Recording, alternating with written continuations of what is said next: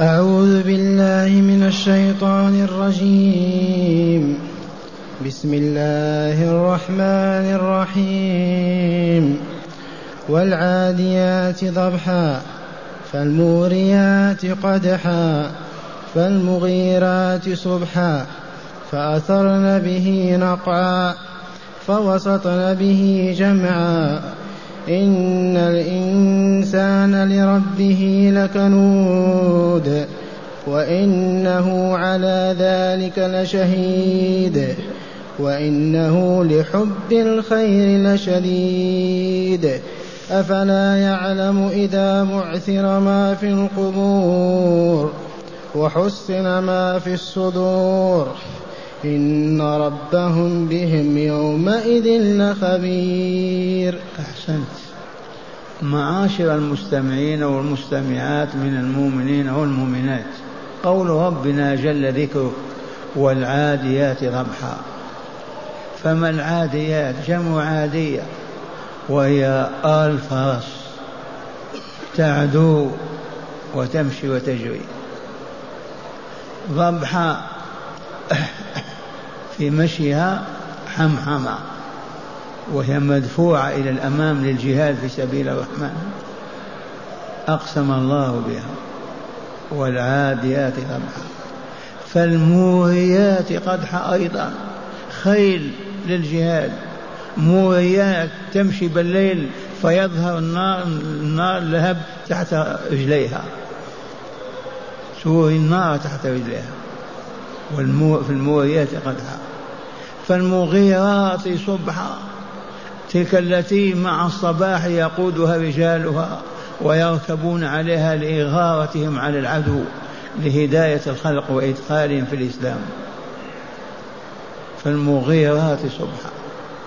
فأثرن به نقعا النقع الغبار تحت أقدامها. فأثرن به نقعا. فوسطن به جمعا. جمع العدو وتجمعاته وسطن به وسطه وصلنا الخيل عليهم الفرسان المجاهدون وسط المقاتلين الكافرين. هذه يمين الله. اسمعوها. والعاديات ضبحا فالموريات قدحا. فالمغيرات صبحا. فأثرن به ناقا فوسطن به جمعا. هذه يمين الله. وهل الله يحلف؟ إي والله. لله أن يحلف بما شاء ولكن هذا الحلف بالخيل التي أعدت للجهاد في سبيل الله. وعليها رجال الإيمان يركبونها ويقودونها ويصيرون بها إلى العدو ليدخلوه في الدين والإسلام. هكذا كان أصحاب رسول الله صلى الله عليه وسلم. هذه اليمين أعيد القول أقسم الله بهذه بالخيل بالعاديات والمغيرات و والموريات والمغيرات. أربع أنواع. المغيرات صبحا في الصباح. فعلمنا أن الله تعالى يحلف بما يشاء من خلقه. حلف بالشمس وضحاها بالليل إذا يغشى بالنهار إذا تجلى بالسماء ذات البروج بالسماء والطارق. حلف برسول الله لعمرك إنهم لفي سكة يعمهون. فلله أن يحلف بما يشاء. أما عبيده فلا يجوز لهم أن يحلفوا بغير ربهم. لا يحل لمؤمن ولا مؤمن أن يحلف بغير الله لا بالأب ولا بالأم ولا بالسيد ولا بالمسعود ولا بأحد. وعلى المنبر رسول الله يخطب فيقول ألا إن الله ورسوله ينهيانكم أن تحلفوا أن تحلفوا بآبائكم ومن كان حالفا فليحلف بالله أو ليصمت. والعوام وحق كذا وراس كذا والطعام والملح لأنهم ما عرفوا الله ولا عرفوا حقه. ما جلسوا هذه المجالس ولا سمعوا. والله العظيم. فكيف يحلفون؟ يقلد بعضهم بعضا. يحلفون بالطعام. فلنعلم معشر المؤمنين والمؤمنات أن الله يحلف بما يشاء لكن عبيده لم يأذن لهم لم يسمح لهم أن يحلفوا بغيره أبدا. لا بالرسول ولا بالكتاب ولا بالكعبة ولا بالسماء ولا بالأرض. اليمين بالله والله تالله. ذي هي اليمين الشرعية. الآن أقسم تعالى بهذه الأربعة والعاتي ذبحا فالموريات قدحا فالمغيرات الموريات قدحا فالمغيرات صبحا. حلف تأمل. والعاديات ذبحا فالموريات قدحا فالمغيرات صبحا. هذه ثلاثة وإلا أصناف من خيول الجهاد. والآن هل الخيول الآن تجاهد وأهلها يركبون للجهاد؟ الجواب لا الآن النفاثات. الطائرات التي تحمل النفاثات المدمرة. ما بقيت خيل الآن أبدا. فعلى المسلمين إذن أن يملكوا هذه الطائرات ويصنعوها ليقاتلوا بها. أو يشترونها بأموالهم. لا بد من هذا لأن الخيل وقفت ما بقي لها مكان. ثم قال تعالى إن الإنسان لربه لكنود. هذا الذي حلف من أجله. حلف من أجل أن الإنسان لكنود لجحود لكفور عن ربه عز وجل. الإنسان قبل أن يؤمن فيحيا قبل أن يهذب ويؤدب بآداب الإسلام هذا الإنسان هذا هذا وصفه جحود كنود عنود كفور لربه. هل الكافر يذكر الله يشكر الله يعبد الله؟ الجواب لا لا لا لأنه كالميت. هذا طبع الإنسان. إلا إذا آمن وأسلم قلبه لله ووجهه وعبد الله يصبح غير هذا الإنسان. هذا إنسان كافر جحود. ومثل هذا قوله تعالى من سورة المعارج إن الإنسان خلق هلوعا إذا مسه الشر جزوعا وإذا مسه الخير منوعا. وكنود كذلك إذا مسه الشر يصرخ يبكي وهو وإذا مسه الخير يجحد ذلك ولا يتكلم به ولا يعطيه متى يخرج الإنسان من هذه الورطة؟ بين تعالى.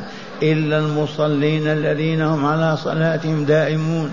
والذين في أموالهم حق معلوم للسائل والمحروم والذين يصدقون بيوم الدين والذين هم من عذاب ربهم مشفقون إن عذاب ربهم غير مأمون والذين هم لفروجهم حافظون إلا على أزواجهم أو ما ملكت أيمانهم فإنهم غير ملومين فمن ابتغى فأولئك هم العادون والذين هم لأمانتهم وعدهم راعون والذين هم بشهاداتهم قائمون والذين هم على صلاتهم يحافظون ثمان مواد. كررنا هذا مرات متى تخرج من دارة الإنسان الكافر الكنود الجحود؟ إذا أنت استعملت هذه المواد الثمانية تتغير تماما. ما تصبح ذاك الإنسان الكنود ولا ذاك الذي مسه الخير منع وإذا مسه الشر جزع ثمان مواد. أعيدها لكم. إلا المصلين الذين هم على صلاتهم دائمون. والذين في أموالهم حق معلوم للسائل والمحروم والذين يصدقون بيوم الدين والذين هم من عذاب ربهم مشفقون إن عذاب ربهم غير مأمون والذين هم لفروجهم حافظون إلا على أزواجهم أو ما ملكت أيمانهم فإنهم غير ملومين فمن ابتغى وراء ذلك فأولئك هم العادون. والذين هم لأماناتهم وعهدهم راعون والذين هم بشهاداتهم قائمون والذين هم على صلاتهم يحافظون. هؤلاء يصبحون إذا مسهم الخير يشكرون وإذا مسهم الشر يصبرون. هذا هو الإنسان ابن آدم. إما أن يؤمن ويسلم فيتهذب ويتأدب وإما أن يبقى كالحيوان بل هو شر الحيوان. فلهذا وجب على المسلمين أن يركبوا الخيول لينشروا الإسلام بين الناس لينقذوهم من هذه الورطة التي هم عليها. والعاديات ضبحا فالموريات قدحا فالمغيرات صبحا فأثرن بنقعا فوصلنا بجمع. إن الإنسان الكافر الذي ما آمن ولا استقام على دين الله. إن الإنسان لكنود. بيان ذلك إذا مسه الخير إذا مسه الخير منوعا وإذا مسه الشر جزوعا. وهنا إن الإنسان لكنود وإنه على ذلك لشهيد وإنه لحب الخير لشديد وإنه على ذلك لشهيد. الإنسان يشهد على أنه إذا مسه الخير يمنع وإذا مسه الشر يجزع. والله عز وجل شهيد على الإنسان الذي خلقه شهيد على انجزاعه وانقباضه وعلى منعه الخير وشركه وكفره. الآية صالحة لله وللعبد. إن الإنسان لربه لكنود وإنه على ذلك لشهيد. يشهد بهذا ويعرف.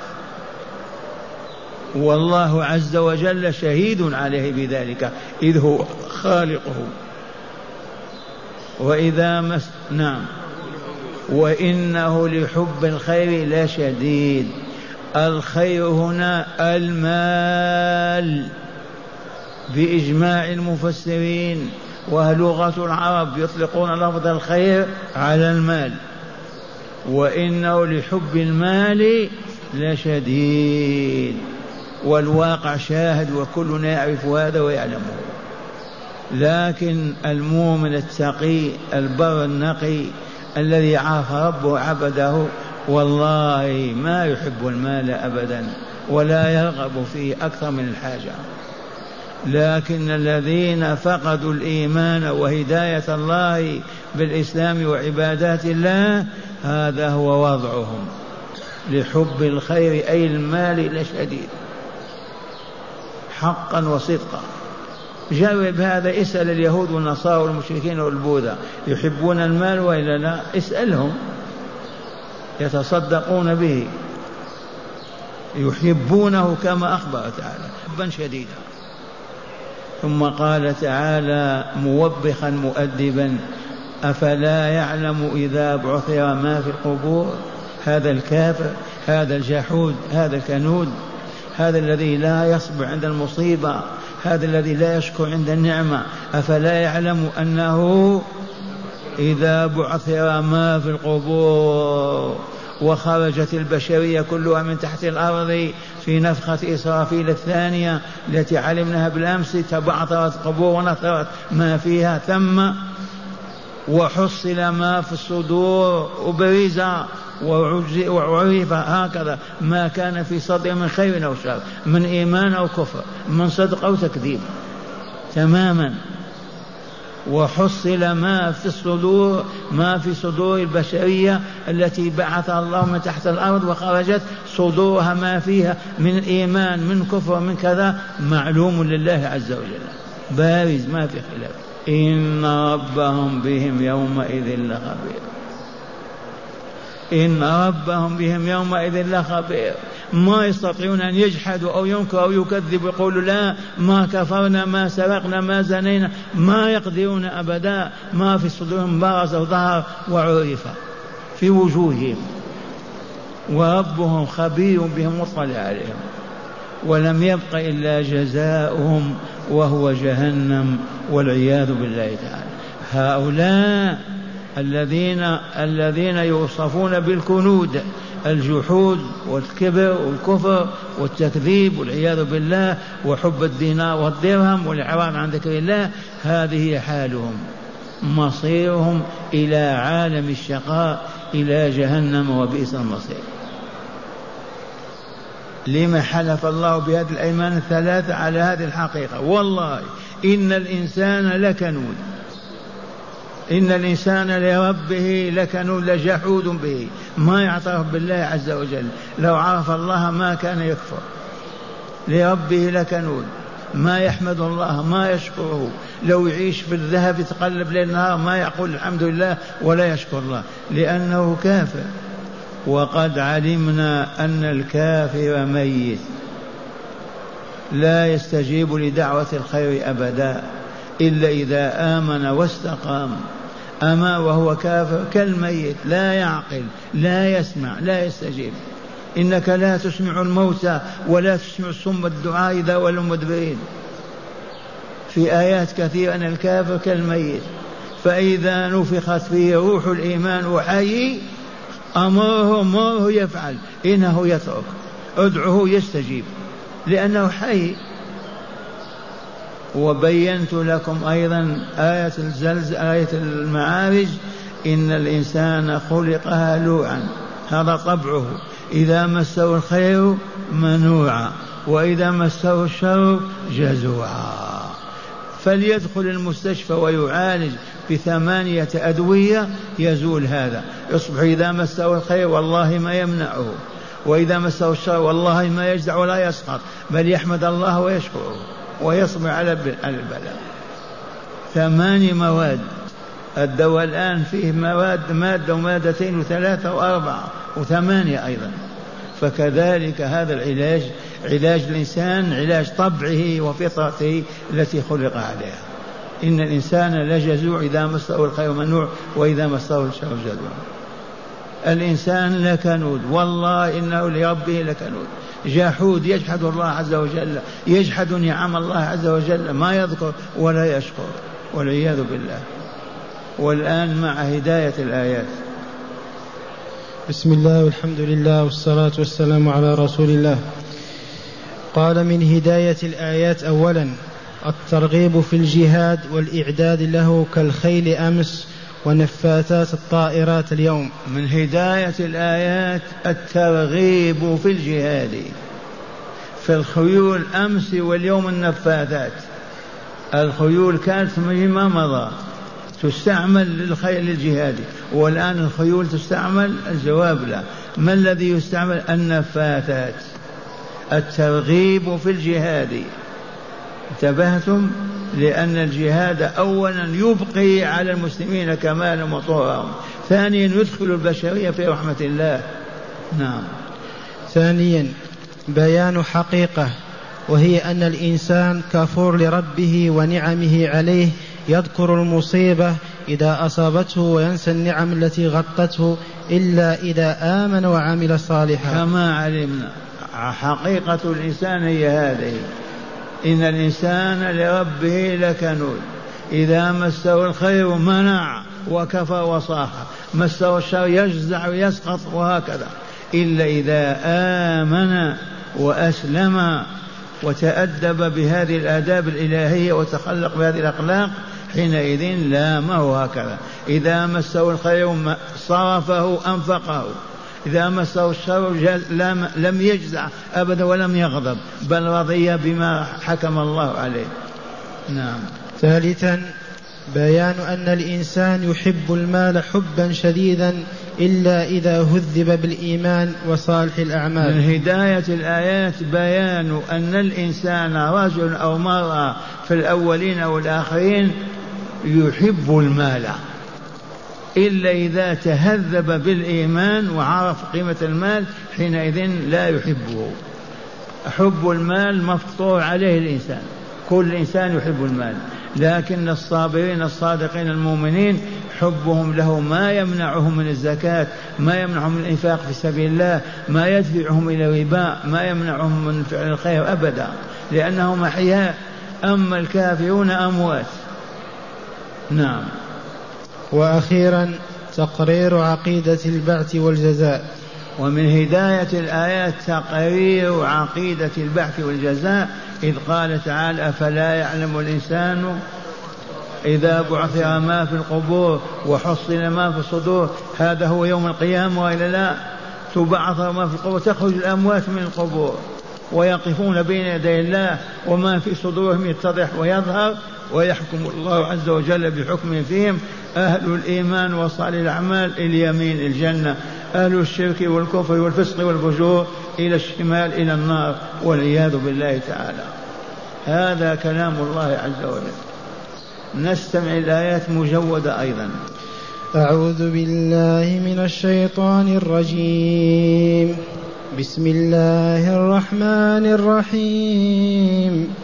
والعاديات ضبحا فالموريات قدحا فالمغيرات سبحا فأثرن به نقعا فوسطن به جمعا إن الإنسان لربه لكنود وإنه على ذلك لشهيد وإنه لحب الخير لشديد. أفلا يعلم إذا بعثر ما في القبور وحصل ما في الصدور إن ربهم بهم يومئذ لخبير.